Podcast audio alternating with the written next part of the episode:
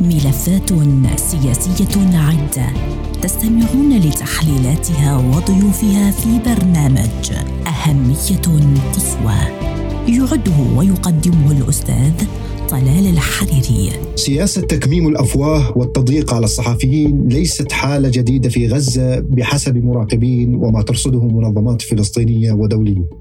وحتى ممارسة مهنة الصحافة على وسائل التواصل الاجتماعي أصبحت تجربة محفوفة بالمخاطر بالنسبة للشباب أما من يحاول أن يتبنى رأيا صحفيا محايدا أو ناقدا للمشهد السياسي والأمني في قطاع غزة فقد يكون ثمنه السجن وربما أكثر من ذلك، حيث أصبحت عائلات الصحفيين هدفا لأجهزة الأمن التابعة لحكومة حماس.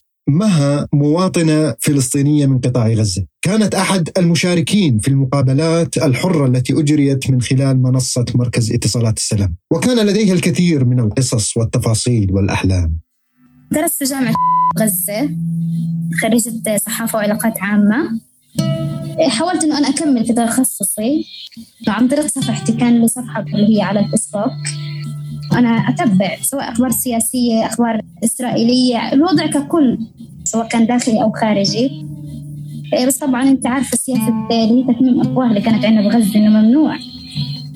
فتهكرت صفحتي تسكرت فبعد هيك عملت صفحة ثانية فبعد هيك تهديدات شخصية إجت. فبيحكوا لي إنه بعد هيك مش رح يصير مش شيء مش منيح. لإلك أو لحدا من عيلتك إنه رح تنضر بشكل مباشر. أهلي طبعا تعب خط أحمر. أنا لما شفت الشغلات هذه فإنه طبيعي إنه أنا رح أرجع مئة ألف خطوة لورا. مش عشاني عشان أهلي كيف شايفة وسائل الإعلام تشتغل بغزة؟ كيف كيف بتشوفي بغطوا الأخبار؟ كيف بتشوفي بيحاولوا يخفوا أخبار؟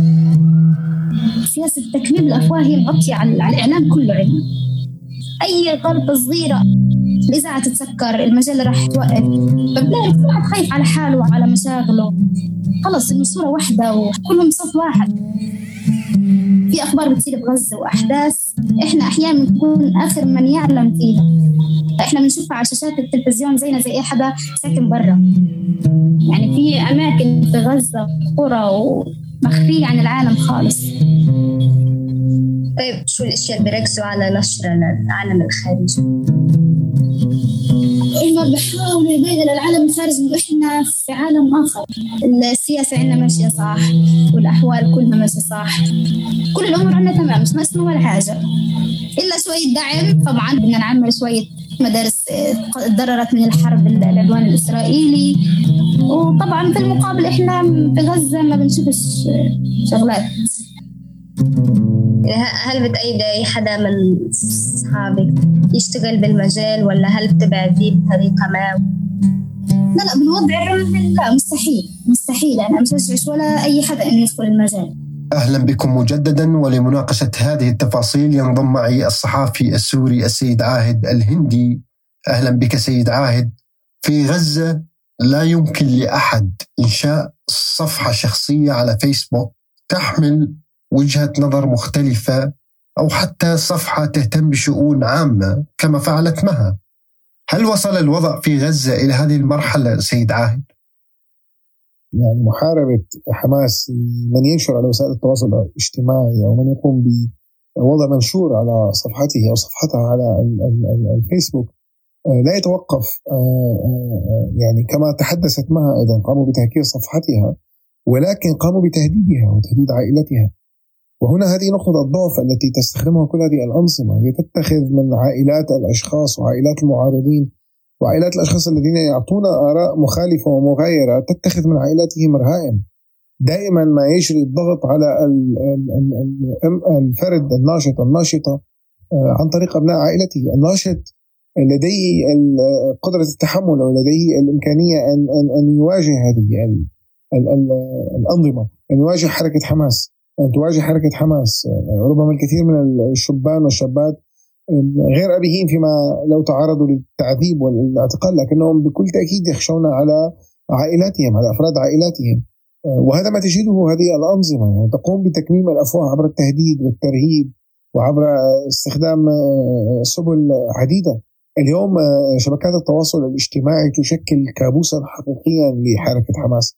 حركة حماس تستند أحد الأدوات الأساسية التي استخدمتها حركة حماس في السابق من أجل ترسيخ حكمها ومن أجل أدلجة الأطفال والشعب في غزة وغسل الأدمغة الشباب هو احتكار وسائل الإعلام، لا يوجد وسائل إعلامية موجودة في قطاع غزة غير تلك التي تسمح لها حركة حماس أو المقربة من حركة حماس أو المملوكة لحركة حماس ولقاده حركة حماس. أما الفيسبوك اليوم ووسائل التواصل الاجتماعي المختلفة يمكن لأي شخص أن يتحول إلى آه، يعني إعلامي يمكن لأي شخص أن يضع الصور يضع المحتوى آه، وينشره. آه، هذا بالنسبة لحركة حماس هذا هذا كابوس. يعني حركة حماس التي تصدر نفسها وتصور نفسها في الشارع العربي على أنها المخلص على أنها مجموعة من الملائكة. الذين يتحكمون والذين يقومون بمقاومة العدو الأزلي كما يصورون. اليوم في حال قام اي مواطن غزاوي برفع كاميرا هاتفه وتصوير ما يجري في كثير من مؤسسات الحكومة التابعة لحماس.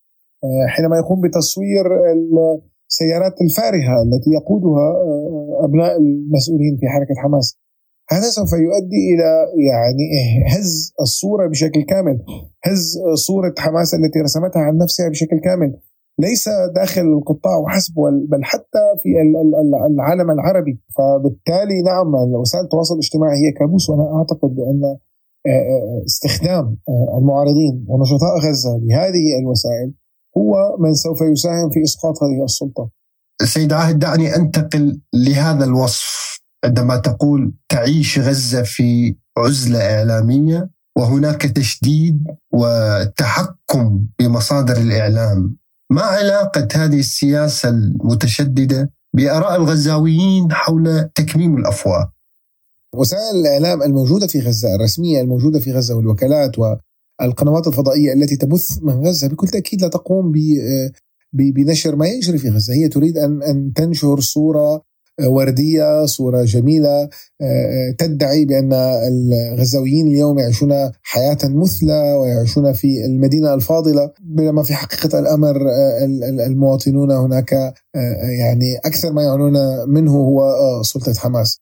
هذه السلطة تريد ان تصور بأن كل المشاكل في القطاع هي منوطة بإسرائيل. آه، ولكن في حقيقة الأمر آه، المواطنين آه، في قطاع غزة غير متأثرين تماما بالصراع إلا عندما تقوم حماس بإطلاق الصواريخ وعندما تقوم حماس بافتعال الحروب وعندما تقوم حماس بادعاء بأنها قادرة على قتال والانتصار على دولة متطورة ومتقدمة ومتقدمة مثل دولة إسرائيل.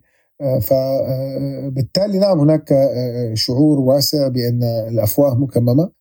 ولكن اليوم نحن في عصر لا يمكن لأي بلد هناك دول موجودة في المنطقة أقوى من حماس ولديها مؤسسات قديمة و عريقة في الحكم وفشلت في سياسة السيطرة على الإعلام وفي سياسة تكميم الأفواه.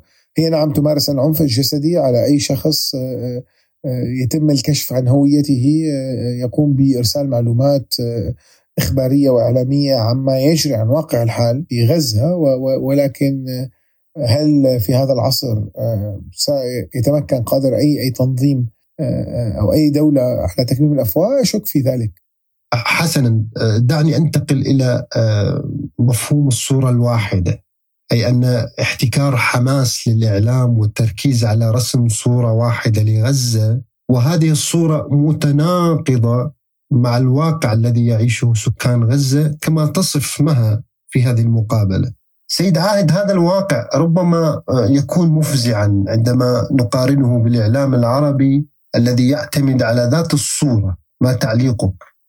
نعم الوضع الإعلامي كما تحدثنا آه، في حماس لا يختلف آه، أو في غزة عفوا لا يختلف عن الوضع الإعلامي في الكثير من الدول العربية. أنا كشخص آه، سوري أمريكي عشت جزء كبير من حياتي في في في سوريا. أتشارك تماما مع ما يعبر عنه المواطنون الغزاويين فيما يتعلق بموضوع تكميم الأفواه ومحاولات ومساعي آه، وسائل الإعلام الحثيثة لتصوير صور إيجابية عن وضع المواطنين وبأن هؤلاء المواطنين يشكرون الله ليل نهار على هذه السلطة التي تحكمهم وتتحكم برقابهم و آه، تتحكم بكل تفاصيل حياتهم وحتى بالتفاصيل الدقيقة لحياتهم. فهذا أمر مفزع بكل تأكيد هذا أمر مفزع.